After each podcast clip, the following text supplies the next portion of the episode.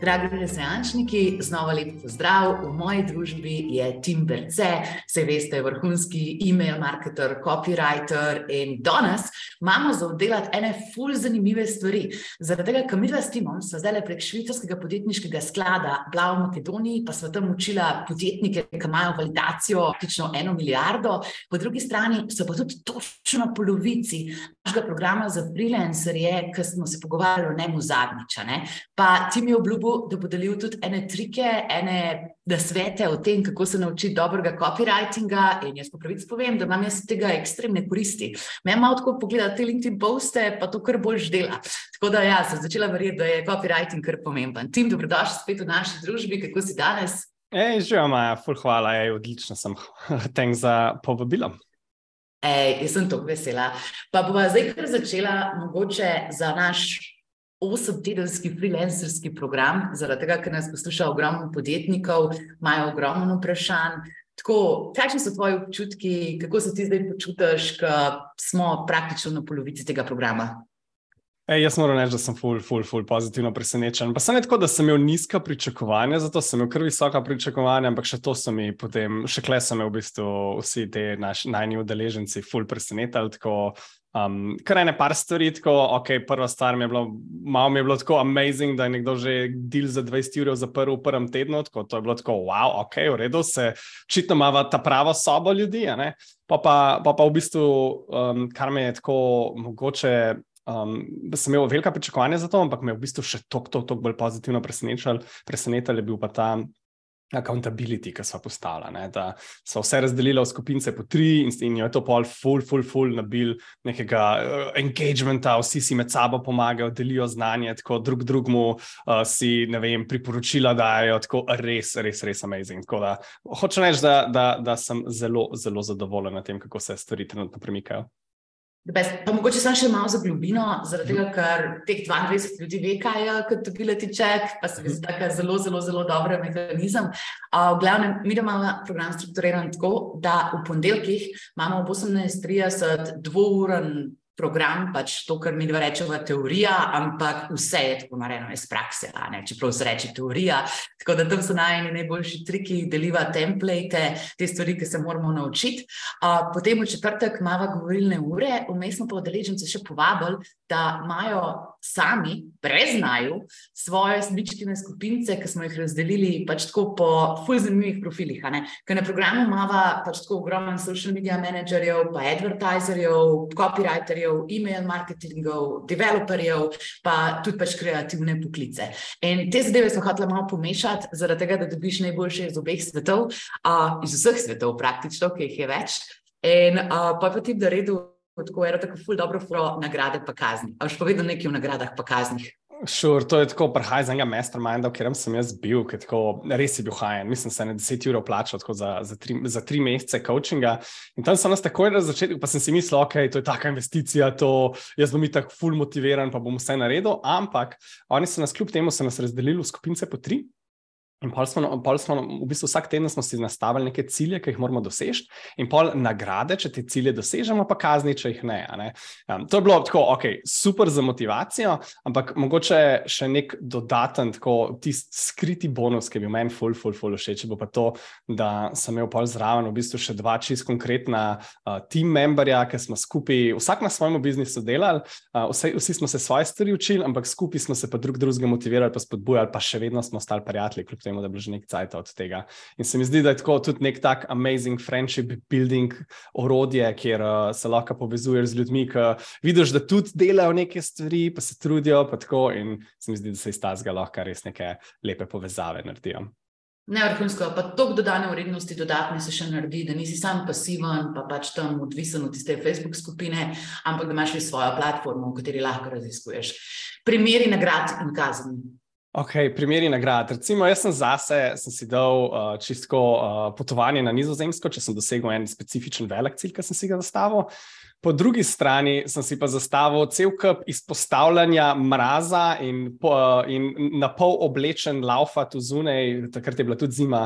Uh, tako da to, to niti ni bila najbolj prijetna. To sem tudi opazil, da so si eni izmed naj, najnih udeležencev si dali, da bodo v kratkih rokavih mogli stati na mrazu, če ne bodo dosegli uh, ciljev, ki so si jih zastavili. To se mi zdi tako ful simpatično. Vrhunsko. In to sem tudi jaz nekaj tebe kopirala včeraj z enim našim prijateljem, Primožem Silo. Mama mi je tako en takšen izziv, ali mora vsak dan prebrati deset strani, jaz moram pa vsak dan veslača gon doma, pač tako za rekreacijo. Če tega ne doseževa, so se zdaj pač tako naredila določen sistem nagrad in kazni, pa mi je spovedala sam njegove, zaradi tega, ker sebe nočem sramotiti. V glavnem, če on ne prebere deset strani, mora on napisati v Growth Hacking Slovenija pod post sledim kot kar največji boomer, veš? Huda. če pa pridem, če pa dobro dela, pa imajo lahko lep večer v teranu, spijo pa s konarčkom, konarček je pa. Tako da, ja, to je bila ena taka ful, ful, ful, ful, luškana stvarca. Pa, tako no, ful se mi zdi res fundamentalna za bildanje navad, zaradi tega, ker Problem v navadah je, da nagrada pride za mudijo. Naprimer, to, kar sem se danes tehtala, to je rezultat treh mesecev, ki sem jih imela prej, ne tega, kaj sem jaz danes. Mm. In tukaj, če se mičken, mičken, mičken spravimo ta mod, da že sproti doživljamo neke zmage, pa da sproti korigiramo svoje vedenje, je zakon, a ni zakon. Ja, sigurno. Tako se mi zdi, da, se mi zdi, da te res lahko pelje daleč neke, neke take male navadice. Totalno. Ej, pa pa sem še ena stvar, zdaj pa sem povedala pol lepih stvari, zdaj pa povedala še eno tako, ki se nam bo mogoče mečken zataknil, oziroma sva pač pričakvala, da bo situacija drugačna, pa se zdaj pač s tem soočava, pa pač tako sproti fiksava. Ful ljudi v bistvu ima eno tako averzijo pred prodajo. Tako ful nočijo, jaz sem temu rekla kreativno prokrastiniranje, jaz ne verjamem, da sem s tem kako pomagala. Zdaj pač tako zelo ti se lahko, če razmišljajo ene take misli, ki so totalno neskladne s tem, kaj se v dejanskem življenju dogaja. Tako da ti, a bi zdaj ti lahko mečkano definiral te stvari, kako sploh prodajati storitev? Kaj so te no-brainerji, ki jih moraš imeti narejenih? Ok, sure. Tako, mogoče čist sam, sam, sam za uvod, da, odpreva to temo. Um, tako, kar se prodaja, tiče, jaz mislim, da uh, ful je pogosto, da se ljudje tako se zares spuščajo v to, si ful mislijo, da je to nekaj slabega, da ti v bistvu nekako škoduješ osebi s tem, ko prodaš neko storitev ali pa nek produkt. Medtem ko v resnici, ko greš skozi ta proces, če res verjameš v izdelek ali pa v storitev, ki jo imaš, ne, pa če vidiš, da tvoj izdelek oziroma storitev res pomaga, pa prinaša neke rezultate, rešuje neke specifične težave, se lahko pa naučiš skozi cajt, ne se na začetku je vedno malo neprijetno, ampak skozi cajt se lahko naučiš, da v resnici prodaja ni samo izkoriščanje koga drugega, ampak je v bistvu pomoč. Ne. Ti nekomu pomagaš rešiti neko težavo, um, in, in to, ko nekaj časa to počneš, se tega začneš zavedati, in pol rata vse, ful, ful, ful, lažje. To je mogoče ena taka stvar, ki sem jo malo opazil pri uh, pr, uh, najnih teh uh, udeležencih. Še niso veliko prodajali prej, da imajo mečko na verziji na začetku, ampak skozi cajt to rata, ful, ful, ful, lažje. Pa sam moraš delati, ne? moraš ja. v akcijo. Ja, ja, ampak moraš prav specifično prodajati. Veliko enih nasvetov smo tukaj dajali okoli tega, kako zdaj poiskati prvo stranko, ne, pa kako jo zapreti, pa kako delati z njimi, pa apselati, pa vse te stvari. In se mi zdi, da so tako po defaultu izbirali te mogoče najmanj prodajne ne, variante, kot kar ok, bom če mečkam več znanja delil, malo več value postov, bom vem, se mečkam več mrežo in tako naprej. Ne. Zelo malo pa tega, da so skočili noter v tisto, kar jaz mislim, kjer bi mogli v bistvu vsi, recimo, freelanceri začeti. Ne. To je čist na svojem personal networku, pa mečkam uh, povedati ljudem, kaj se zdaj dogaja, kaj delajo. Ne. Ker uh, po moje, tako, kako so že rekla, mislim, da si ti to rekla, celo, uh, da tvojih tvojih naslednjih 4000 evrov na mesec se, se nahaja v tvojem telefonskem imeniku. In jaz si to res mislim za, za, za veliko ljudi, tako grejo lahko samo čez svoj imenik, pa dobijo svoje, svoje prve naslednje, kakorkoli stranke, uh, ko štartajo svoj freelancing biznis. Tako da to se mi zdi mega, mega, mega important, pa ena stvar, ki je tako. Ma veliko ljudi, fula verzije do tega, ampak v resnici je to, po mojem, tako prvi korak, ki ga hočeš narediti. Pa, pa drugi korak je pa v bistvu predvsem, um, sta, sta v bistvu dve nekakšni smeri, v kjer jaz bolj verjamem. Ena je to, da se veliko mrežaš in tukaj si me ti ful inspirirala s svojim ciljem, da se povežeš z minimalno dvemi novimi osebami na teden, to je tako res amazing. To, Vem, spoznaš... Če ti tega ne bi naredil, jaz bi ti parila telefon v roke, pa šla sama pisati. Točno to, ne. Pač hočeš spoznavati nove ljudi, ne zdaj na način, da sam uh, klikneš na LinkedIn, pa oh, hvala za povezavo, ali pa varianta, ne vem, to, to, to je ful slabo, ali pa varianta, hej, klej je moja storitev, da jo kup, ne, če slučajno rabaš. Um, to to meni ful ni všeč, ne. ampak tako, da se pa pogovarjaš z ljudmi, da se družiš na uh, lokacijah, kjer se nahajajo tvoje stranke, ali so to neke poslovna druženja, ali so to neki mastermindi, so to neke konference, pa da se tam v bistvu predvsem trudiš pogovarjati. Ne, pa ko rečem pogovarjati, uh, mislim, predvsem sprašuješ človeka, s katerim se pogovarjaš, čim več vprašanj. Ne, ja, ljudje... Ti se sprašuje, ti ima dodano vrednost pogovora. Pač tako, če samo s tem govoriš, se ne moreš naučiti nič.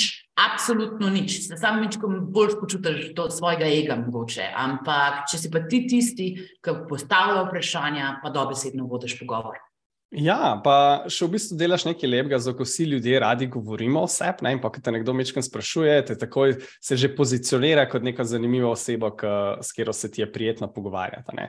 In potem, ko prideš do nekega momenta, ko dejansko razumeš njihovo situacijo, ne? ko čutiš, kaj je zdaj tukaj narobe, takrat lahko mogoče vskočiš v pogovor in rečeš: O, ne, veš, kaj tole tematra, jaz pa imam nekaj, kar mislim, da bi ti lahko ful pomagal. In tako ful naravno speleš lahko pogovor, nikoli nobenega ne, ne pritiska pritiskaš ali pa ful agresivno prodajaš, ampak v resnici greš iz nekega normalnega pogovora, ko zaznaš problem, greš noter v prodajo, kjer je ta prodaja v resnici. Ja, ti imaš problem, škoda, jaz imam eno rešitev, ki mislim, da bi ti ful, ful, ful pomagala, pa se lahko temu omičkam pogovoriva, če te to zanima.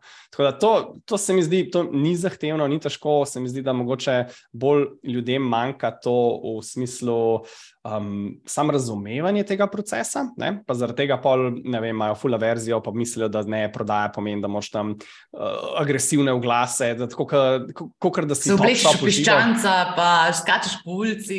Ja, točno to, da imaš vem, top shop reklamo v živo, ne, pa pičeš človeka, pa kličeš, eh, kličeš po telefonu, pa vsem po vrsti težiš, pa jih probaš prepričati, ne, da, da ostanejo s tabo na liniji. V resnici, tako, kar se tiče prodaje storitev, um, večinoma hočeš to full organsko speljati. To je ena stvar, pa, pa ta tretji tak velik operativnik, ki mislim, da je tako za, za ljudi na splošno, so, so pa um, objave za delo, ne? job posti, takšni in drugačni. Um, ker ti v bistvu podjetja dajo ven signale, da oni imajo problem z neko specifično zadevo. Ne? In če nekdo objavi pozicijo, ne vem, oglaševalec za fej, Facebook, oglaševalec, ne? to ne pomeni, da iščejo samo osebo za Facebook oglaševanje. To pomeni, da ima podjetje zelo verjetno na tem področju cel kapenih problemov, recimo vem, od trackinga rezultatov do optimizacije konverzionov, do vem, delanja kreativ, do, do, optimi, do, vem, do, do postavitve remarketinga, do, ogrom, do vem, vsebine, tako za oglase. Tako ogromno, ogromno enih stvari, ki grejo noter, spadajo pod tem. In uh, jaz mislim, da tako nasplošno ljudem, mičkam premalo izkoriščamo to priložnost, um, ker ne, če podjetje že samo od sebe pokaže, pa pove svetu, da mi rabimo nekoga na tem področju, je to lahko ful dobr in za uh, pogovor za naprej. Mene je to fulano, vse, kar si povedal. Mislim, da se tako veliko že to pogovarjala, da so itak čisto lajnana. Ampak čisto mogoče, a veš, tako na začetku, ko veliko ljudi ima tudi strah pred zavrnitvijo. In jaz jim vedno rečem, pač tako, če boš slišal ne. To ne pomeni, da boš umrl sam, zaradi tega, ker ne boš dobil hrane, ker te bo tvoje pleme izobčilo, ampak se šlo iz tega nekaj naučil in na naslednji cikl šel boljši. In zaradi tega je ful pomembno res to, kar poudarjava, Exekucija, exekucija, hiter feedback loop, pej tu vsak cikl boljši, ker na začetku bo za nič. Zdaj se ne bene rodi, tako da bi stov prodajati, včasih ti ne veš, ne točno, kaj delaš. Pač skole začetki bojo čudni. Če tam pač tako enega, pa dva od desetih dobiš, to pa rata igraš številk. Ne smeš pa obupati. Ko kar prvič, ko šel laufat, ne boš 21 km prelaufu, ampak boš mogoče dva, če imaš srečo, pa, pa to sčasoma podaljšuješ, pa pač rataš boljši, pa delaš na hitrosti. In to so pa res te navade v biznisu, ki jih moramo graditi. Sploh na začetku, mislim, kako potekajo naši možgani. Naši možgani smo že velikrat rekli, da so plastični, ampak kadar se pa naučimo nekaj novega, nam je pa blazno neprijetno, zato ker smo optimizirani, da hranimo kalorije. Se pravi, čim manj truda, pa po možnosti skozi eno in isto, da smo lahko na avtopilotu. Ampak tako se sprememba ne naredi. Sprememba se ne naredi na način, da pač enostavno greš iz svoje cone obdobja, da poskušaš nekaj novega in da ustrajaš, dokler ne rataš dober v tem. In tukaj se mi zdi, da mogoče, veš, tako malo prehitro upamo, ene ljudje. Ja, ful se hitro ustrašimo. Mogoče um, se ne zavedajo tega. V prejšnjem tednu sem jaz dobil dve zavrnjeni ponudbi. Ne? Tako da, to, to je neka stvar. Ja, dve se... potrjene, ampak. Ja, pa tudi dve potrjene. Ja, ampak ne hočem reči, da to se bo vedno dogajalo. Ne? Ti vedno ja. hočeš biti, vse skozi cajt, ko vidiš, da pač veš, kaj delaš, da, da si alignan s svojo strategijo, da vidiš, da to deluje, se mičkaj sprostiš okoli tega in pa ni več noben bav, bav, če ti nekdo zavrne, če ti nekdo zavrne kakšno ponudbo. Ampak to je, to, to ostane zavedno. Tako ne verjamem, da je kdorkoli na svetu, ja. kam sprejme čisto vse ponudbe, če pa mu pa, pa to pomeni, da totalno premalo računa za to, kar opravlja. To, a veš, pa tudi, naprimer, jaz sem dan zavrnil na tri ponudbe, ki so prišle do mene. Zaradi tega, ker pač čim en signal dam ven v svet, se mi pač tako, ne vem, usujejo najrazličnejše stvari. In pač, le, to ni fokus. Jaz ne morem iti na 15 različnih koncev, ampak jaz sem tukaj človek, da to pojasnim. Veš, tako, zakaj se mi to ne zdi primerno, a pa zakaj ne mislim, da je to dober fit. Včasih, če koga predlagam. Eni ljudje nimajo časa, oziroma jim ni to tako pomembno, da bi to razlagali. Sam pač tudi, če rečem ne, to ne pomeni, da te zdaj sovražam in da me do konca življenja ne smeš več kontaktirati. Ne pomeni ne zdaj. Se pravi, zdaj le trenutno za me ni dober čas, da konsideriram tisto, kar si mi ti predlagal. Čez pol leta mogoče bo dober čas. To pa na neben način ne smeš projicirati na svoj karakter in na tvojo osebno vrednost. Totally agree. Totally agree. No, da best. Spet sem se zafilozofirala, kot vedno. Naslednje vprašanje, to pa vprašanje pa prihaja iz publike. To si okay. pa danes rekel, da te ljudje stalno sprašujejo in da se ti zdi dobro, tudi, da te sprašujejo. Tako da, evo, imel podcast, v katerem lahko daš polno referenco na to. Uh, zadnje čase si totalno, totalno, totalno razturil AI in powered copywriting. Se pravi, tekstopis je podkrepljeno z umetno inteligenco. Kako bi šlo tole težko iz jezika, katastrofa. Ampak vse vemo, o čem se pogovarjamo, kako nam čet GPT in podobni tuli lahko pomagajo do boljšega, hitrejšega, pa bolj učinkovitega uh, tekstopisja, besedil. In lej, dej, tisto vprašanje, ne, ne bi mi boš povedal sploh, kaj delaš na tem področju. Ok, short. Um, Jaz sem tako, čist verjeten, vsi tako že novembra skočijo takoj v, na ta uh, chat GPT, uh, uh, kako se reče, vlak ne, in navdušeno se špilal. Ampak jaz sem tako že takoj od začetka, fulno menih mentorjev, pa fulnih uh, world class copywriterjev poznam, ki so vsi v tistem času začeli objavljati. Ne, ta tehnologija, to je samo orodje za copywriting, to je samo za pomoč copywriterjem, copywriteri ne grejo nikamor. Ne. Jaz pa tako, ne vem, jaz sem pa že takoj na začetku rekel, ok, v redu, to, to je mnenje ki zdaj trenutno kroži okoli. Jaz sem si pa postavil čisto eno konkretno vprašanje. Ali lahko jaz nekako pogruntam nek način, kako bi popolnoma avtomatiziral svoje lastno delo? In, in na začetku pač mi ni bilo čisto jasno, kako ne, sem začel full research o tem, kaj so sploh to, uh, kaj so sploh to language modeli, ne, kako sploh deluje ta tehnologija, uh, kaj so neural networki, v čemu so to sploh dobri, ne, kako se dela z njimi. In sem v bistvu prišel do nekega sistema, kako lahko v bistvu um, predvsej nadgradiš vsebino, ki jo, jo recimo nek language model, kot je GPT, ne, uh, producira glede na, na tvoje inpute. Um, to zelo, da sem zdaj v bistvu že pripravil, del, uh, pripravil neko malo aplikacijo, ki jo postopoma širim um, kjer sem v bistvu za Vitapur specifično izobrazil to orodje, zato da lahko generira neke specifične, vnaprej predefinirane e-maile. In zdaj, um, prve, prve, prve smo že poslali ven, um, rezultati izgledajo nominalni, skratka, direkt taki, kot če bi jih spisal človek. Pa meni je v bistvu ful presenetil, kako lahko ti vzameš neko orodje, kot je GPT, ne, pa ga uh, v bistvu ful fine-tunaš do te točke, da ga res ful veliko naučiš o copywritingu, ful veliko naučiš o nekem specifičnem brandu brendu, in potem v bistvu dobiš vsebino v skoraj, če ne celo, perfektni obliki na drugi strani ven. Tako da uh, trenutno je moj celoten fokus, kako popolnoma avtomatizirati vsebinski marketing. Um, zdaj, to po mojem, da ne bo čist takoj available tako za, za, za maso podjetij. Jaz mislim, da na začetku, zaradi tega, ker gre ogromnega efforta, pa um, ročnega dela. Ja, sam imaš se... pa že pilota, ne? ti razvijaš v bistvu stranko. Tako je. V bistvu, v bistvu je to predvsem rešitev za velika podjetja, ki imajo, ki imajo ogromno enih izdelkov, pa ogromno enih potreb po, po kontentu, ki ga, ki ga ustvarjajo. Um, Sploh zato, ker je v bistvu proces učenja um, teh urodij kar dolgotrajen, pa kar zahteven, pa um, zahteva predvsem ročnega dela. Ampak, um, ko je na koncu to postavljeno, pa jaz mislim, da lahko v bistvu skoraj katerkoli kontent um, v bistvu celoten vsebinski marketing popolnoma avtomatiziraš. In na tem zdaj delam, to, to me ful veseli, tako um, rad, bi, rad bi v bistvu tako zautomatiziral vsebinski marketing za, uh, za vsa večja podjetja v Sloveniji. Najprej pa pa valjda še naprej po tujini. Lej, jaz sem sam FOMO, zato pa ne vem, če boš imel še čas za me, če boš tukaj le entrepreneur, pa technology founder.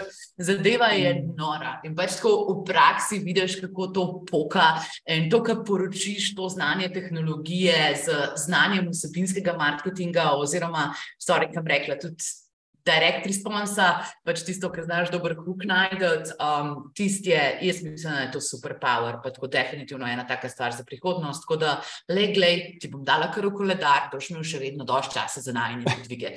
Vedno. Dober odgovor. Ej, pa, pa, ki smo že glik pri teh zadevah, pri tekstopisju, glik danes je bil en ful zanimiv primer. Pač tako, ko smo dala na LinkedIn pač to objavo o tem, kaj smo se naučila ne, od tega coachinga, ki smo ga imeli s švicarskim podjetniškim skladom v Makedoniji. In jaz sem napisala tako eno tako najbolj dolgočasno vodiljo. Jaz sem napisala, s Timom smo bila čez vikend v Makedoniji, govorili smo o 16 founderji, Tim na drugi strani pa napisal, v sobi je bila milijarda. Kjer post bi šel pogledat, kjer post bi šel lajkat.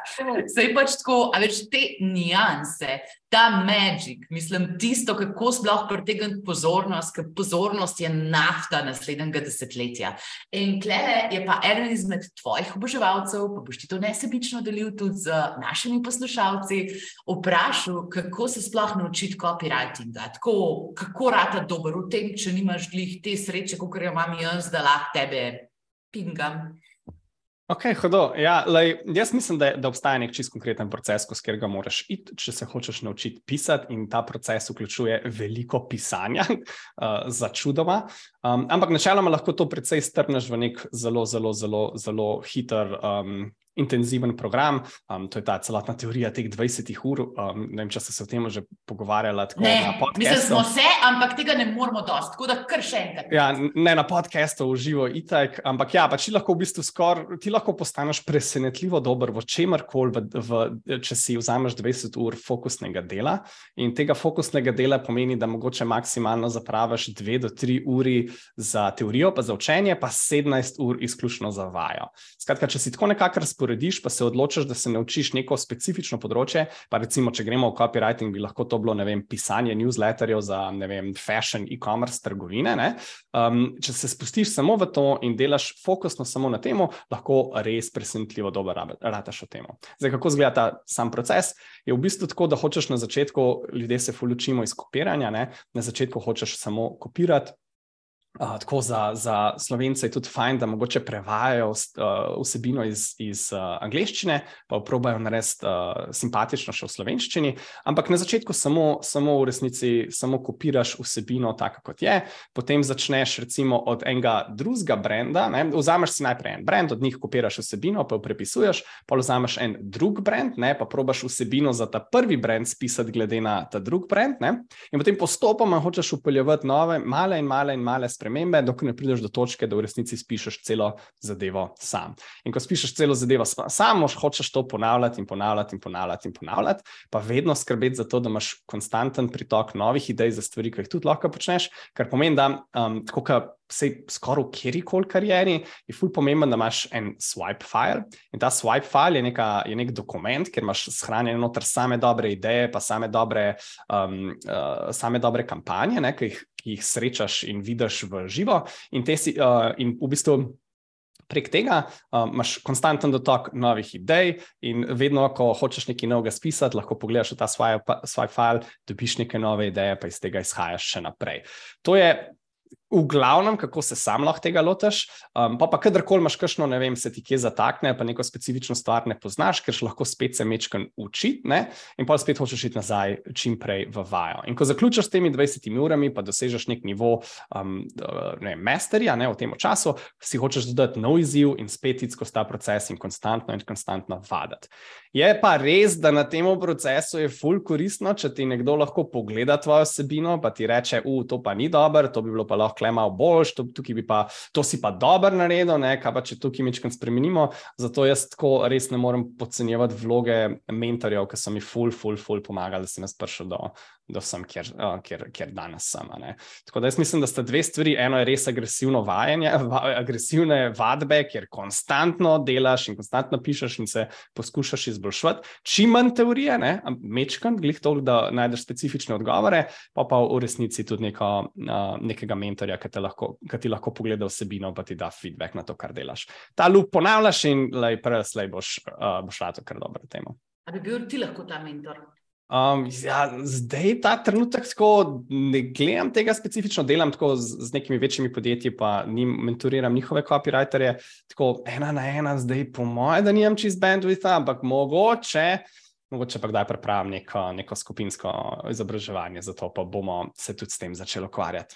No, da je, jaz definitivno navijam za to, kdo se ne bi želel dobro pisati. Pa pa sem še double downala bom na to tvojo izjavo o kopiranju. Mi kot evropejci smo bili zelo vzgojeni na način, da moraš biti originalen, da moraš imeti originalne ideje. Ker sem šla v Šanghaj, kaj delajo v tem prve dve leti slikarskega faksa, oni kopirajo umetnine znanih mojstrov. Pač oni nič izvednega ne narišajo v prvih dveh letih, ampak samo kopirajo. In tako je rekel Picasso, pač kaj je, great artist stil. Good artist copy, great artist stil. Tako, bravo, bravo, sem se pa tole najela. Um, tako da, veš, tudi v tem ni nobene sramote. Pač na začetku, ko nimaš s ničemer zadelati, to je kot da bi si jaz zdaj spomnila ena, da ne vem, pač bi se hotela učiti kvantno fiziko in bi poskušala priti s svojimi originalnimi idejami. Ni ne to moraš. to. Na začetku moraš pogledati, kaj so mojstri prej že rekli, in sčasoma se ti bodo sestavili vzorci v možganjih, da boš ustvaril neko novo dodano vrednost. Sam brez osnov ni nič. Pa pa ta druga stvar, ki jo je Tim Ful dobro povedal, je pa to, da ta incepcija, ta absorpcija znanja Lej, v pravici poveva, mi pa oba dva, vse je vedno. Sam vedno manj je. Na začetku je mečkam bolj intenzivna in je res pomembno, da se spraviš v prakso. Potem, ko pa vidiš, da lahko delaš, da pač tako se ti trg odziva na te tvoje zadeve, je pa akcija, akcija, akcija, ne še 20 online kursov, ne še 15 knjig za prebrati, ampak deli, sam deli. Ja, to, to se mi zdi, da je tako. Največ ljudi se fulj zatakne v ta mod konstantnega učenja, ne pa, pa ne vem, pa kje knjige moram še prebrati. Pa to pa v resnici nikoli knjig prebereš, v resnici je koliko kampanj napišeš, pa koliko, koliko feedbacka si dobil na te kampanje. To je primarni način učenja. Teorija je tukaj samo zato, da ti konkretna in zelo specifična vprašanja odgovori, takrat, ko ne veš, kako se nekaj dejansko ne naredi, kako se nekaj dejansko naredi. In takrat hočeš v bistvu, ok, si jih na hitro pogledati, najdeš odgovor, pa pa jih takoj nazaj uvaja. Tako. Tako. To naj omogoče. Če prebereš eno stran, pa nekaj implementiraš, si več naredil, kot če si prebral sto strani, pa naredil nič. Siguren.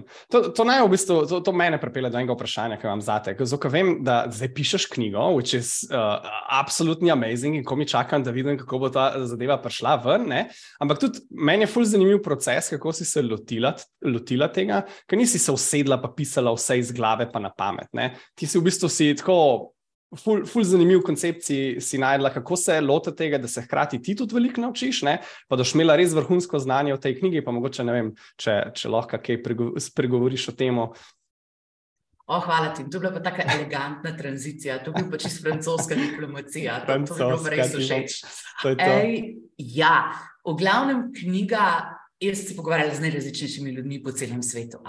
En, en mi je rekel, da se je zaprl za dva vikenda in je imel napisano. Drugi mi je rekel, da je to pa cel dve leti. In, a veš, v teh ekstremih sem mogla jaz najti en svoj modus operandi, da zdaj bih ne bo to neka potopisna povest o tem, kaj smo mi delali pred dvema letoma, ker pač to res ni relevantno za bralce več, da potegneš relevantno znanje, pa ful sem hotla najti vzorce. Vzorci so meni vse v lifeu. In kaj sem naredila, je, da sem si zapokirala 15 intervjujev. Sedaj mislim, da je edini slovenc, ki bo noter, je Simon Belak, no, ki je že tudi velikrat bil na podkastu, ki je zdaj pač na Zebri BI, oziroma prej ima full dobre learninge iz Metabase.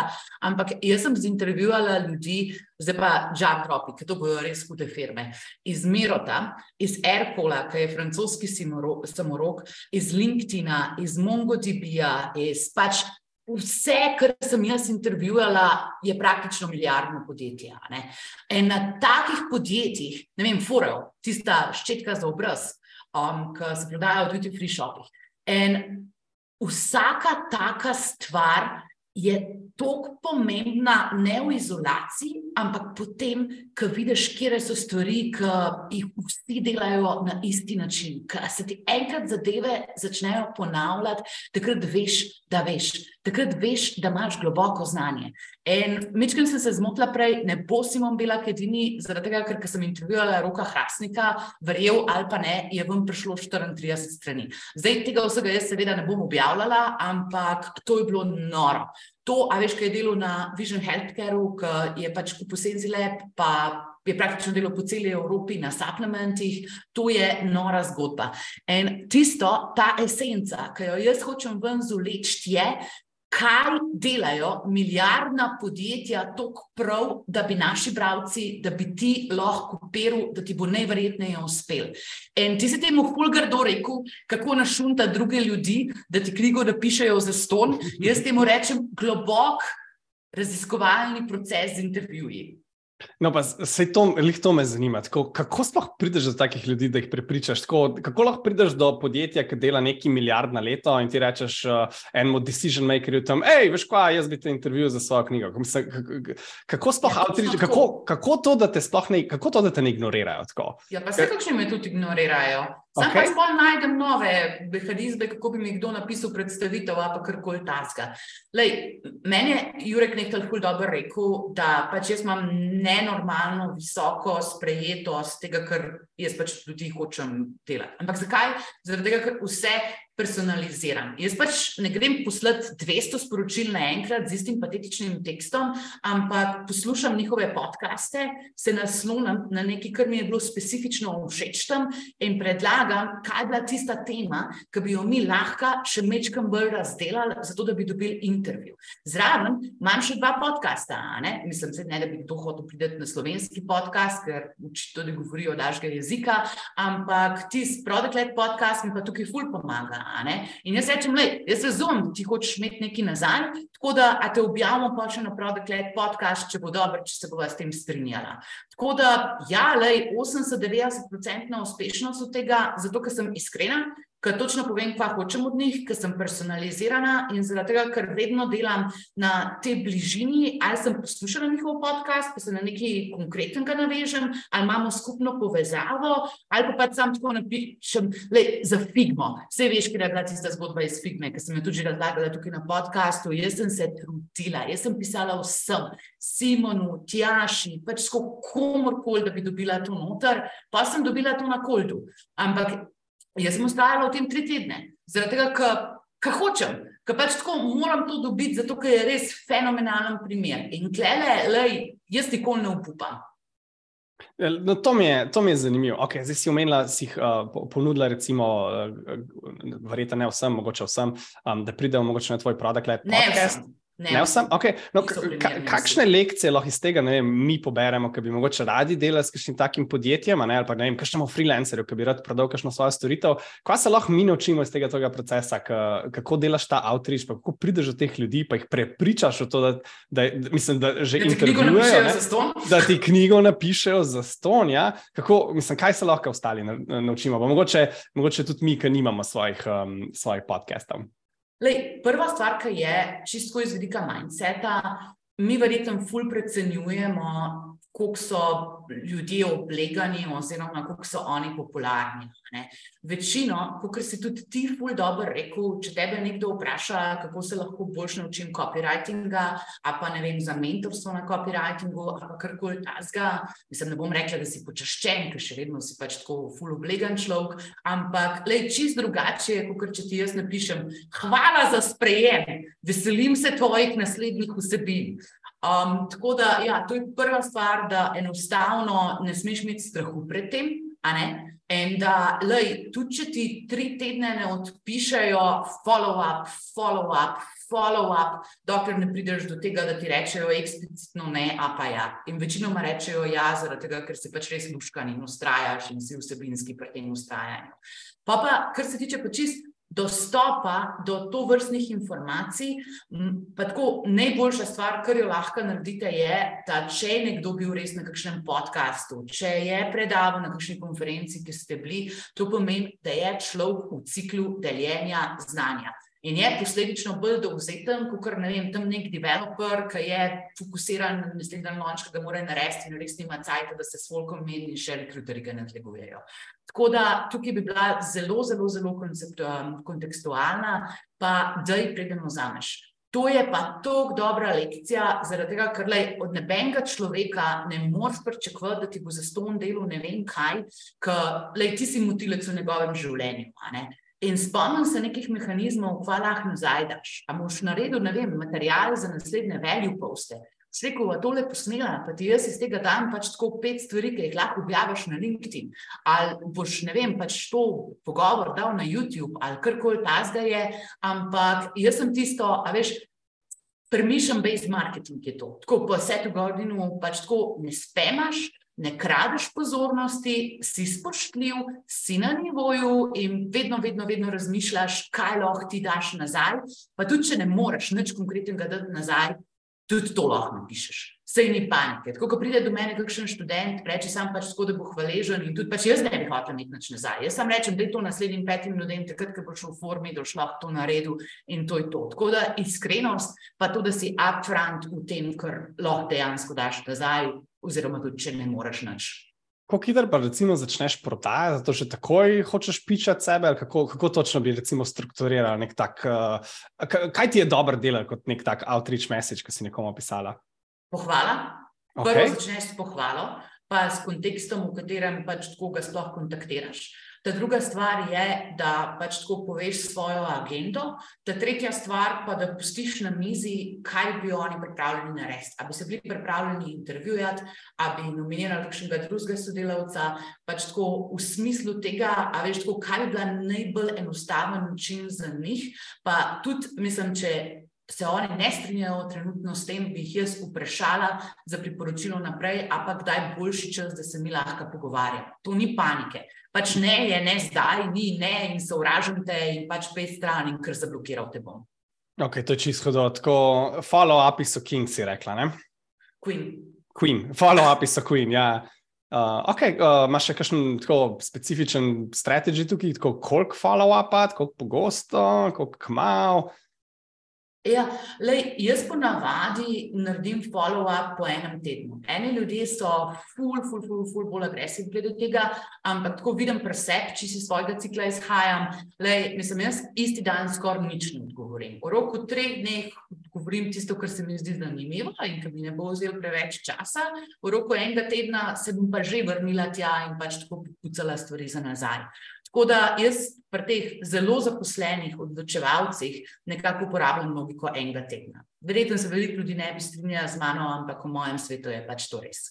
Ta druga stvar, ki mi je fulj pomembna, je, da se vsako stvar, ki se zmeniš, tudi če ti rečeš, da je zdaj ta mesec, pa res nimam časa, napiši si 1. april, da ga še enkrat kontaktiraš v koledar pač tako v redu je, ti vodiš pogovor, ti nekaj rabiš, pač tako ti moraš biti on top of this. In klele pa, lej, ali dobiš datum, kdaj je tisti čas, ki je ok, da ga kontaktiraš, ali pa greš.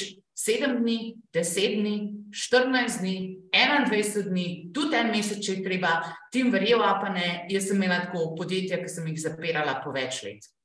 Ok, hudo. Okay. So, so, so skratka, znajo biti tukaj uh, ful, ful dolgi cikli, sploh verjetno večje kot je podjetje, da cajt traja.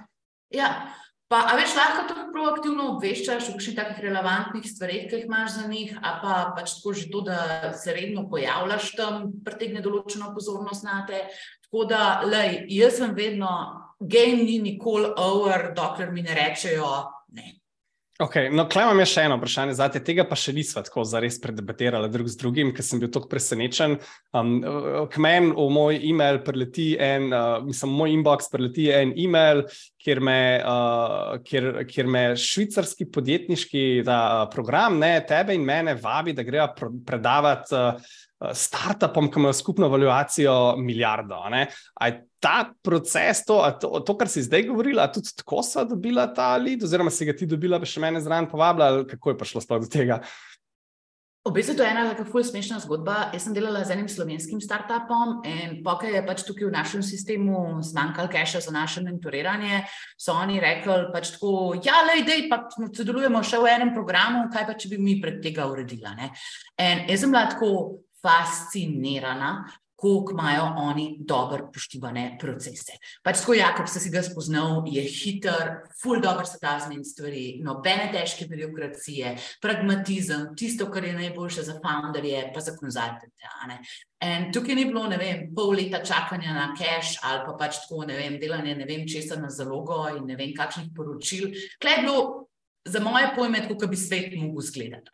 Da vsi delamo tisto, kar je najboljše za podjetja. In pol prek tega slovenskega startupa smo se poli tako ful dobro pobondali, pa smo se mičkem pa še pogovarjali, pa so mi rekli, pač tako, lej, mislim, mi delamo na ful velikih različnih trgih, ampak meni se zdiš ti ekstremno primerna za pač Srbijo, Bosno, Makedonijo, za te balkanske, prvo govorim jezik, te drugo pa tudi sociokulto, a veš, mislim, če bi mene, na primer, pa sorry, kam zdaj le tole rekla, ampak kakšno muslimansko državo poslali, to pač tako ne bo šlo to gled tako čez, zaradi tega, ker sem pač tako ženska z blond lasmi, ki večino dneva upije na ljudi.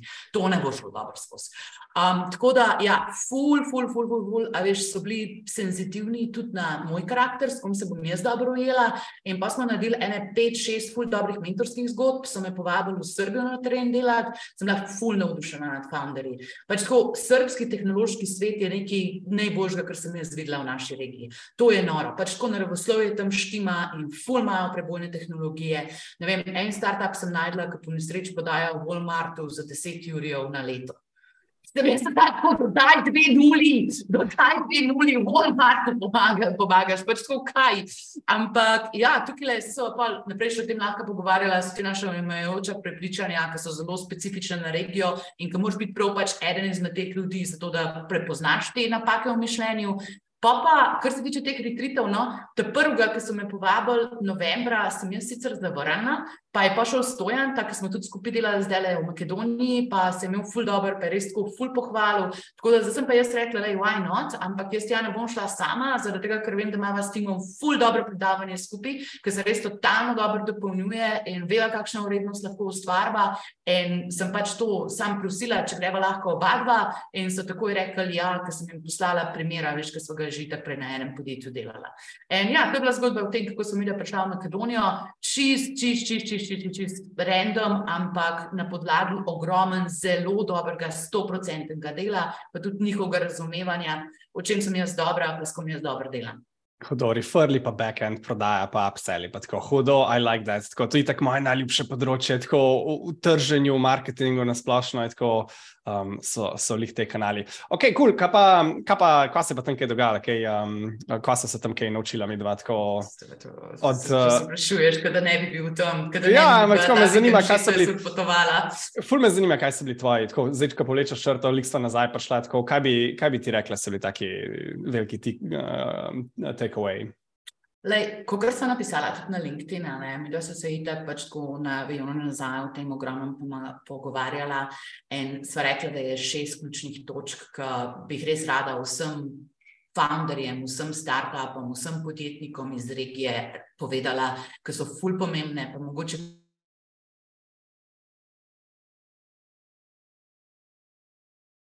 je drago. Ti si bolj mar primer, da je dve nule, pa pač tako, ja, bo podjetje res plačalo več kot 5 evrov za to urodje, ja, tudi 50 bi plačala, če si ti dober v tem, ko poveš, kakšno vrednost in boš dolgo, če to verjameš.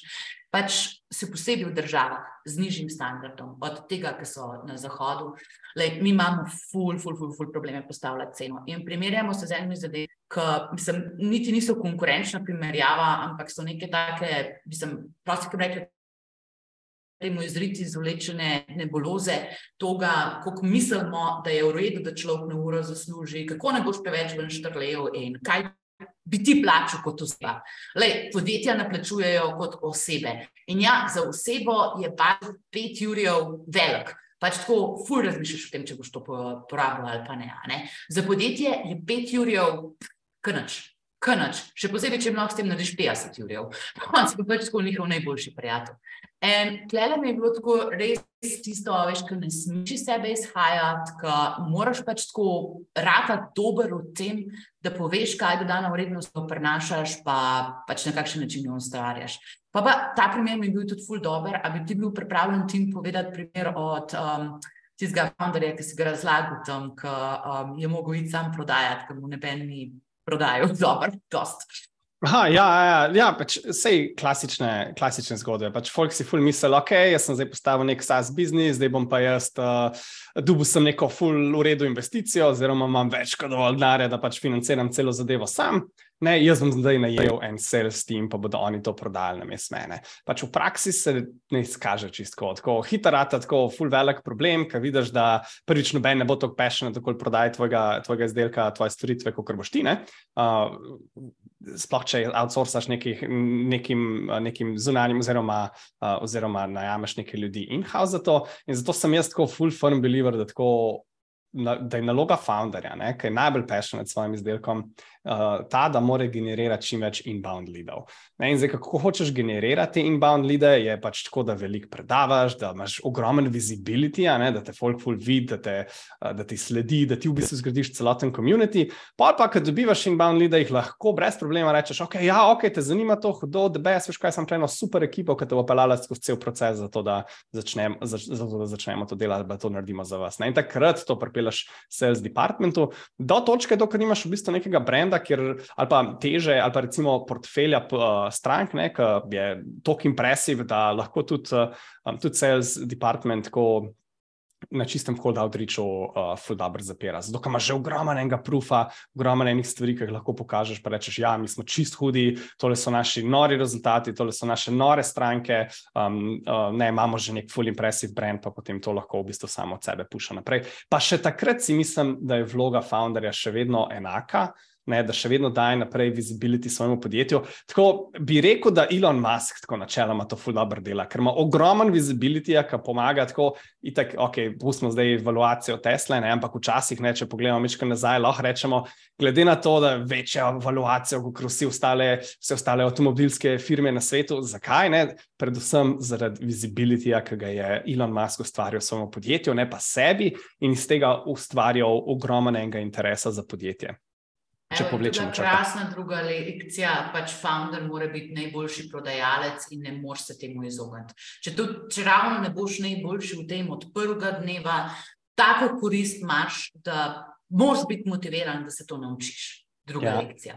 Ta tretja, ja. ta, ta vam bo všeč, ta vam bo sigurno všeč, ker to je pa pač neki tazek, ki je super.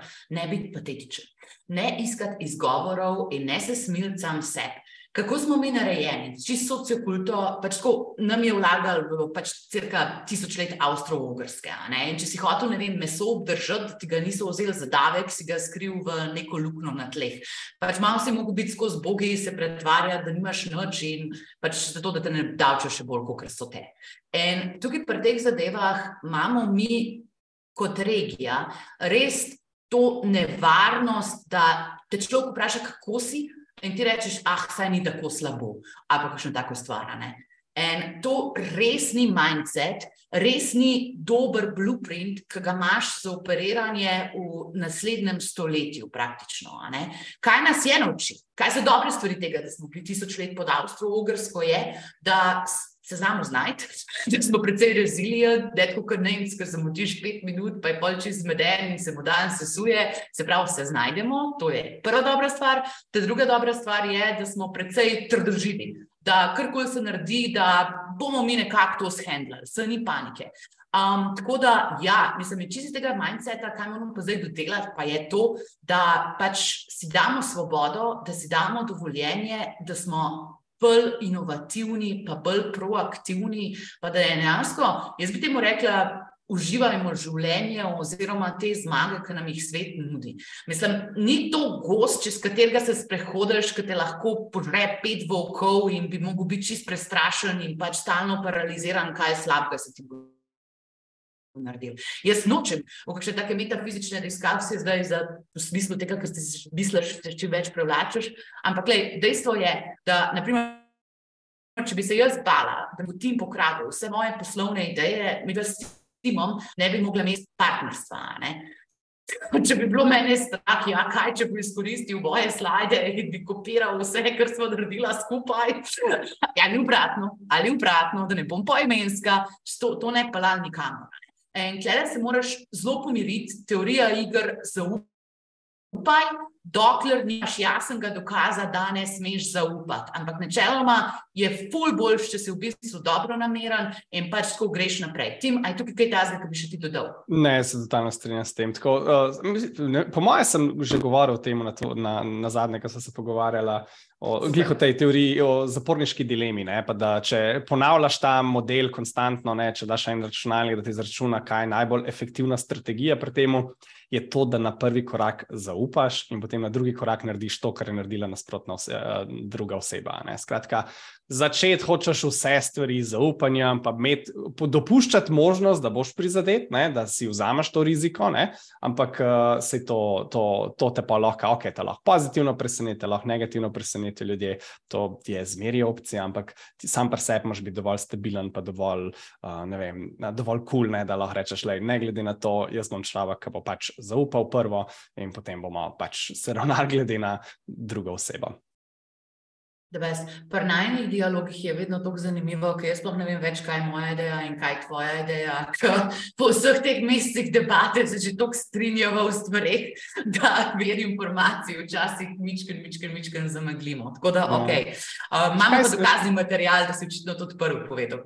Ja, veš, kaj me zanima? Tako, mene je ful presenetal, prvič, da imajo tako impresiv startupe v Makedoniji. Ne? Da je v ja, bistvu njihov podjetniški. En je zdaj dobil milijonsko investicijo dva sta dobila v tem odsajtu, glih, glih kar super. sta dobila, kar so, kar so bila tam, tako, kar, kar se mi je zdelo tako absolutno noro.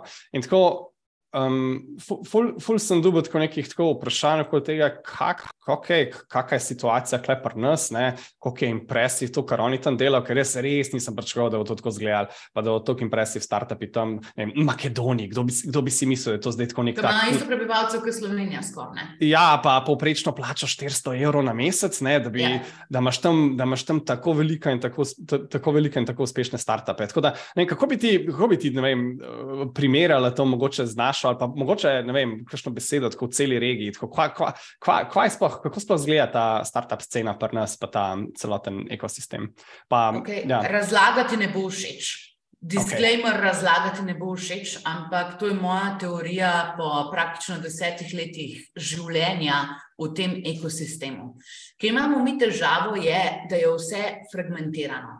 Se pravi, mi smo naredili neke lokalne centre in zdaj si predstavljaš, da ima toliko ljudi, kot ima Slovenija, pa ima enega župana, pa ima pač tako ene organe za vse.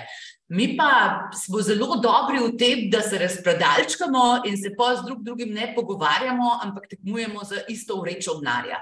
In tole ej, je sila neugodno. Ta druga stvar, ki sem jo videla, mislim, zakaj so Srbi tako dobri? Po moji logiki je, zaradi tega, ker vzamejo denar od Kitajcev, od Japoncev. Jaz sem z njimi delala prek Mitsubishi korporacije, pač noro je. Oni vzamejo vse cash, kar je na voljo, od Evropske unije, od Rusov, pač tako vse. Enostavno pragmatični so in delajo tisto, kar je najboljše za njihove ljudi. Pri nas pa ni obrazec tam, pa obrazec tja, pa brrrr, tu je investicije je bila na zadnje tuja investicija v Sloveniji? Ne, Slovenci morajo odpirati podjetja v tujini, pač v državah, kot je tudi Hrvaška, med drugim, zato da lahko dobijo sploh normalen funding. In tukaj se mi zdi, da iz vidika sistema imamo blazno luknjo in lej, so full pozitivni akteri. So Oba dva delava s tehnološkimi parki in lahko poveva, pa ne bova tega javno povedala, ampak da je ogromen pozitiven terij. Ampak cel sistem, kako smo se mi tega lotili, je pa za moje pojme preveč samozadosten. Se pravi, mehne ekonomije, kot so vem, Slovenija, Makedonija, Švica, Luksemburg, odpiraš, se ne zapiraš, odpiraš se, zaradi tega, ker nisi samo zadosten. Dejstvo je, da rabiš biti upleten v te mednarodne procese in da si lahko zelo dober, če igraš neutralno vlogo v teh mednarodnih procesih. In zdaj, brez tega, da grem preveč v politične vode, mislim, to mislim, da je glavnina srčica tega problema, ki ga zdaj teklava, da smo se mi razparcelirali in da vsak sedi na svojem kupu keša in da ga je spet strah, da mu bo nekdo nekaj vzel, pa da bo imel nekdo nekaj manj, pa kako se bomo zdaj mi to razporedili, bomo še obstajali, bomo še relevantni. Ta mentaliteta se mi zdi, da je to, kar nas tišči dol. Skratka, da imamo vem, 300 različnih inkubatorjev v Sloveniji, ja. medtem ko v Makedoniji imajo enega. Ja, a veš, in mislim, tukaj je ta mehne številke. Absolutno imamo mi full mehne številke. In tudi oni so navedali, težko je v eni taki državi deset startupov, ki bojo odlični najdete, a ne na leto. A pa dvakrat na leto, če imaš dva večja. In klele se mi zdi centralizacija toliko boljša kot decentralizacija, še posebej, kadar imaš toliko mehno absolutno številko, s katero operiraš. Ok, hodno, zanimivo. Ja. To, to, to bi se verjetno tudi tukaj lahko poznal. Jaz ne verjamem, da Slovenci nismo sposobni imeti tako hudih startupov, pa, pa tako noro visokih fundingov dobivati kot v Makedoniji. Ne. Samo, ja, pač ko opažam tako, fulmamo dobrih, pa zanimivih inkubatorjev, ko vsak dela na svojem koncu, ne, pa se v resnici. Pa fulih dela zelo dobro. Ja, do... delajo pa skupine, ustvarjajo sinergiji. Ja, ja, in pa se mi zdi, da zaradi tega so tudi večkrat omejeni pri tem, kakšne fundinge dobivajo, pa kako to, um, kakšne izobraževanja se stavljajo. Uh, ker kle, kle se mi zdi tako, pač res skozi no, nosijo neke tujce za predavati, imajo tako konkretne budžete tudi za plačati tujce, da pridejo tja predavati. Tako. Pa nas se to v resnici ne dogaja. Ne? Mislim, se izbrani peščici. Ampak, ja, veliko je, več mislim, tega zastonjskarstva, pa le pridiš ti malo predavati, da ti bomo knjigo promovirali, pa ne vem kaj. Tako, mi igramo na čist druge note, pač tako, mislim, ta kavbojski princip imamo, namesto tega, da bi imeli strateški cilj. Mislim, ker so najo poslali delati v Makedoniji, to je bilo pač tako delavnica, pa se pa eno uro z vsakim startupom ukvarjaš. Takrat pa pač tako daješ veljo, je bilo še mentoriranje zraven.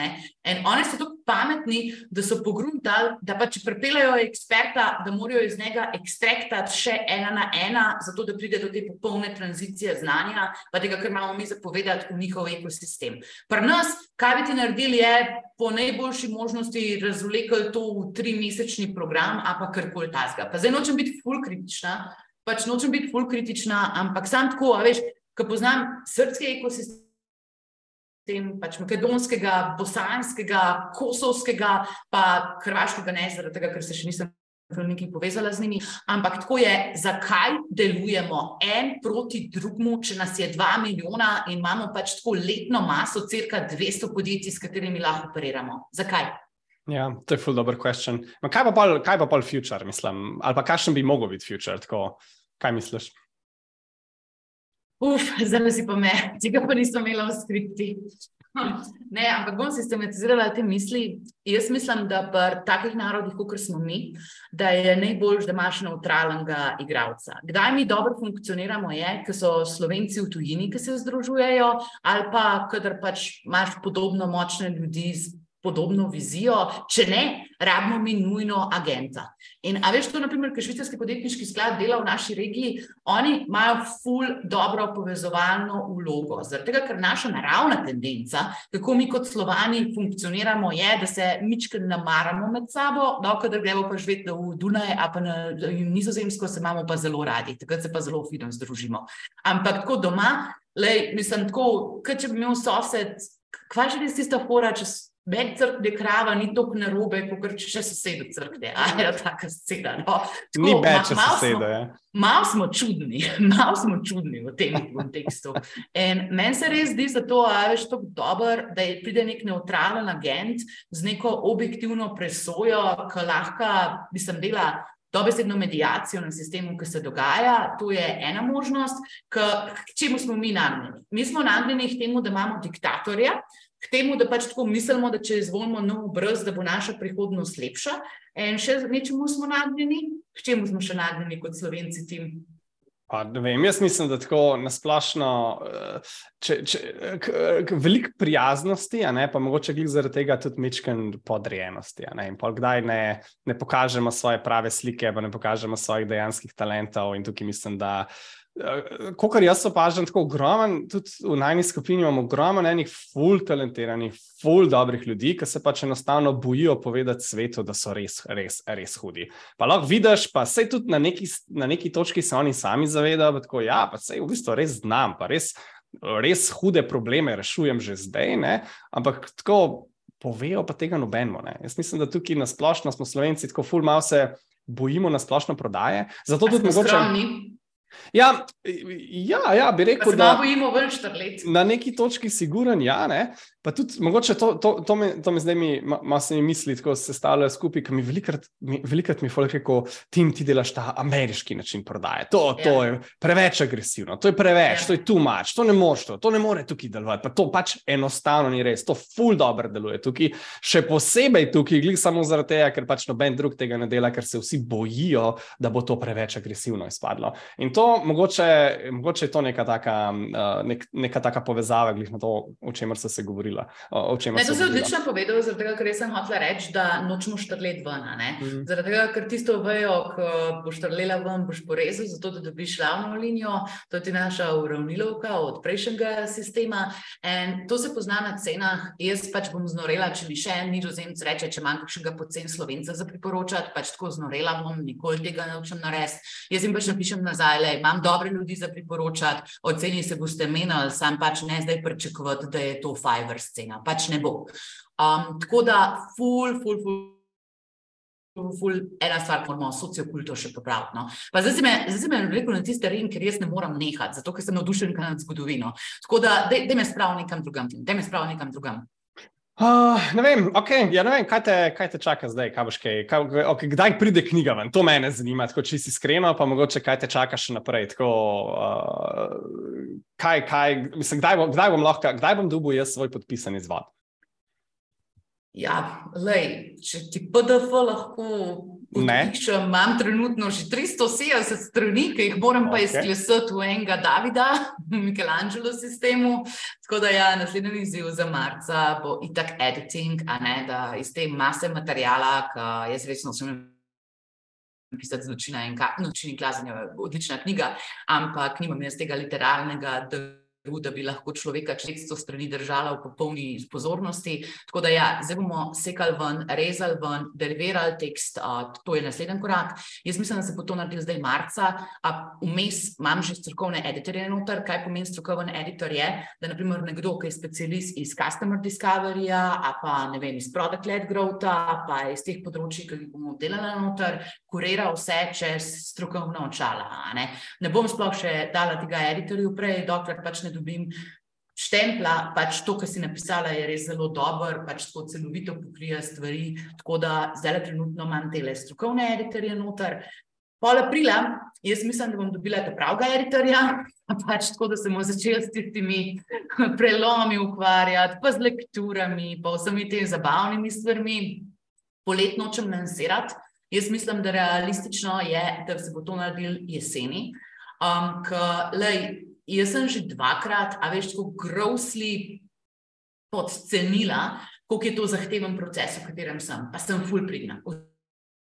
Vsak dan delam, res sem pač tako neka šlampa, pa počasnila, tako ful se trudim, da bi to naredila. Ampak zato, da narediš dobro, da bo res pač, le, moj ideal je, da bo to Amazon bestseller, pa da bodo to ljudje na faksu brali. Jaz hočem narediti to tako dobro. Tako da, ja, bom pa zaradi tega, da ne bom preveč zavlačvala, ker včasih več, ko veš, manj misliš, da pač tako bi mogel že lončati, naredila en waiting list, ful hvala za tale predlog, uh, tako da bomo linkali to v opis epizode, pa tisti, ki bi želeli imeti go-to-market strategies knjigo, kjer smo danes že precej omenjali sicer, mi sam prosim spustite mail, ker če neč žuzga, sem pa jaz počutila toliko krivo, da tega še nisem naredila, da bom malo hitrejša. Če neč drugega, lahko naredite to kot uslugo meni. Aj prav. Hudo, okay, kaj bo pa accountability, kaj bo nagrada, če boš lončala jeseni, pa kaj bo kazen, če ne bo? Zdaj sem te najdel. Zdaj si pa meni. Evo. Ok. okay. Kazen. Grem na vikend seminar od vsega, kar jaz ne maram v lifeu, pač tako neke take ezoterike, hardcore in bom tam cel vikend nekje in bom plačala, ne vem, 500 ali 3 ure, kako hočem imeti tisto stvar, bom pač mogla iti na vikend seminar, ker mi bojo pač tako brainwashali dva dni. To bi bila. Pa še LinkedIn post mora pa priti. Tako, pa na klepetu v kavi bom najdla, na tistem YouTube kanalu bom najdla en idealen retreat, da se bomo mi, ne vem, zdravili s pomočjo ionov v zraku. Še take zadeve, to bi bilo top. Um, to je idealna kazen za me, ker me užgeš dvakrat, prvič, ker ne maram, pa pa še, ker moram to plačati. nagrada, kaj bi bila pa dobra nagrada, cim, bi bilo pa po moje, da če mi uspe to narediti, a veš, kaj za Black Friday, pa tam pred Christmasom, itak nimaš kaj lončati za Amazonom, ker takrat greš proti velikanom. Tako da ja, ajde, nagrada je pa, če se mi pa to lepo se izide in bom pač tako pridna, pa greva lahko z Anžetom um, novembra na Tajsko, a po Vietnam. O, kako lepo, kako lepo, hodo. Ok, le jaz tam držal za besedo. Dej, prosim. Prosim, to mi kot prijatelj zelo veliko pomaga, če me držiš za besedo. Lahko mi tudi kakšne linke od čudnih retritov začneš. Oh. Meditacije samo rogi so mi všeč. Bo, bom najdel nekaj zelo ezoteričnega. Ej, ena je bila ful dobra, je bila meditacija z Dangelom Mihajlom in pa je bil še eno indijsko božanstvo zraven, pač tako ista meditacija. Te stvari so meni top, to sam pošiljite, to sam meni pošiljite. Uh, hudo, zakon, the best. Sem imela dejansko že prišla čez vsa ta vprašanja, ki sem imela um, naštemana za danes? No, vem, po mojem, to je najkrajši pogovor, ki sem ga imela do zdaj. Eh. to, pa, to pa na podkastu, ja. Na podkastu okay. se to strinjam, ampak se veš, da smo mi dve tako, da se slišimo vsak dan. Tako da, ej, ti, pa sem me pa še spraševal, um, danes sem mhm. dobila pač tako par vprašanj, še ker sem dala naše storije tukaj. Če boš ti naredil kurs o chat GPT-ju, kjer je naslednji kurs, ki ga mhm. boš ti naredil, tako, kako zdaj ti razmišljaš? Ok, to, jaz sem imel full plan narediti, da je ta, v bistvu ta chat GPT kurs, pa iskreno sem pa odkril, po moje, da nek full višji value, kjer bom pač postavil prav sistem za avtomatizacijo osebinskega marketinga, pa grem direkt v to kot neko. Zato, ker Um, lahko bi dal nek easy course ven od GPT-ju, pa bi imeli ljudje tako načeloma neki vrednosti ven iz tega. Ampak jaz samo vidim, da če v bistvu greš skozi nek uh, dolgotrajen, precej kompleksen uh, uh, proces, kjer ti v bistvu natreniraš uh, chat GPT oziroma GPT modele in jih uh, večnivojsko izobrazaš, lahko v bistvu ti popolnoma zautomatiziraš uh, nek kontent, skoraj kjerkoli kontent. Tako da najprej bi rad to razvil pa, pa bom pa razmišljal o tem, kako, grem, kako ali pa kaj grem, če bi šel delati v bistvu pa naprej še, še kurs iz GPT-ja. Um, ne, po mojem, da naslednji kurs bo, bo po mojem, da tole, kar, kar mi da zdaj delava za freelancerje, zdaj se lančalo to kohorto, um, cena je bila zaradi tega mičken višja, ker delava full ena na ena, po moje, glede na stvari, pa komentarje, ki že zdaj vidiva, jaz mislim, da bi bilo full koristno, če bi to zapakirala prvo en online tečaj, pa če lančala pol na koncu. Ka, mislim, da bo, mislim, da bi znala tako fully menim ljudem, ki so zdaj le ujeti um, ali v službi, ali pa ne vem, probajo freelance, pa jim ne gre, pa bi jim lahko klepo moj, da ful pomagala, um, da bi si zgradili pač nek, nek life, ki si ga v resnici mogoče potiha, mogoče malo manj potiha, uh, sanja o njem. Le, se veš, kaj so rekli na božični epizodi. Cilj je narediti 100 podjetnikov letos, 22 ja. svojih že, tako da zdaj gremo še v sobi s tem. No, ja, to. Tako da mislim, da bo to naslednja zgodba, um, ampak ja, pa pa vmes pa opala. Uh, vmes pa, vmes pa, po moje, da uh, mečken, mečken uh, uh, specifične kontent avtomatizacije, uh, kot bolj v obliki SASA, kot uh, ne v obliki Korsa. Okay. Zdaj, ti si mene prej vprašal, kaj je moj Magic. Tako da moj Magic je pa tole, da z ljudmi delam takrat, ko so pod velikim pritiskom. In tim, kako pogosto bomo mi dva snemala te podcaste, a se lahko komitaš, da prideš vsaj enkrat na mesec sem enkrat na mesec na podcast, ko me že skrbi, da ne bom imel da stvari zapovedati, če bom tokrat se pojavil. Kaj se pa to dogaja? Kaj si rekel, da februarja imaš feeling, da bi bilo že za cel let? Ej, to, to pa res je. Ja. Toliko enih stvari, ki smo jih dosegli zdaj v tem cajtu, je pa tako, pač, ne vem, počutim se res, da sem že celo leto odživel. Kot da sem že celo leto 2023 odživel, pa sem zdaj že v naslednjem letu. Um, tako, ne, to, to, to je čisto amazing, um, če se lahko mitam temu. Tako. Enkrat na mesec, po mojem, da ne, ampak z veseljem pa pridem tako dovolj pogosto, kot bo pač folk hotel slišati. Jaz tudi nočem, da bodo vsi rekli, da okay, je tim je cel neka zlajna zadeva, nočem ga več videti, ne slišati ne nikjer. Tako da ne vem, če bodo tvoji poslušalci rekli, da bi z veseljem še kdaj dobil, pa z veseljem pridem, če, pa, če bodo pa vsi tako like. Ne, to je totalno brez veze, dosti je bilo že tega modela sprav nekoga drugega, pa, pa, pa, pa, pa, pa si bom pa vzel mečkam pauze. Okay, in če vam je bil tim všeč, lahko pišete meni in njemu na privat, zato da se lahko komitu, da je enkrat na mesec na podkastu. Aj prav, če ne bo se sam komitu k temu, ga lahko mogoče komitamo mi s socialnim pritiskom. Ja. Hvala lepa, ker ste nas poslušali. Jaz upam, da ste uživali v še eni super epizodi, tim kot danes si bil krasen, tako da le, zdaj pa veselo na delo nazaj. Zdaj pa naslednjo poglavje, ki ga moramo pa napisati, je pa pricing, ki bo v ponedeljek predavala. Yes. Kako računati čim več za čim, čim manj cajta? Uh, to bo dobra tema. Ja, to imamo vsi radi. to imamo vsi radi. Maja, full thanks za, za povabilo. Da mi je vsakeč the best, ko se ima pogovarjati, malo znanje deliti, ko full red, full red to počnem lahko prideš vsak mesec. Hvala, ker ste nas poslušali, lepo, lepo, lepo bodite, pa se veste, če bi radi, da tim še kdaj pride nazaj, vemo, kaj narediti. Srečno, da sem, pa smo na vezi naslednji teden. Ciao!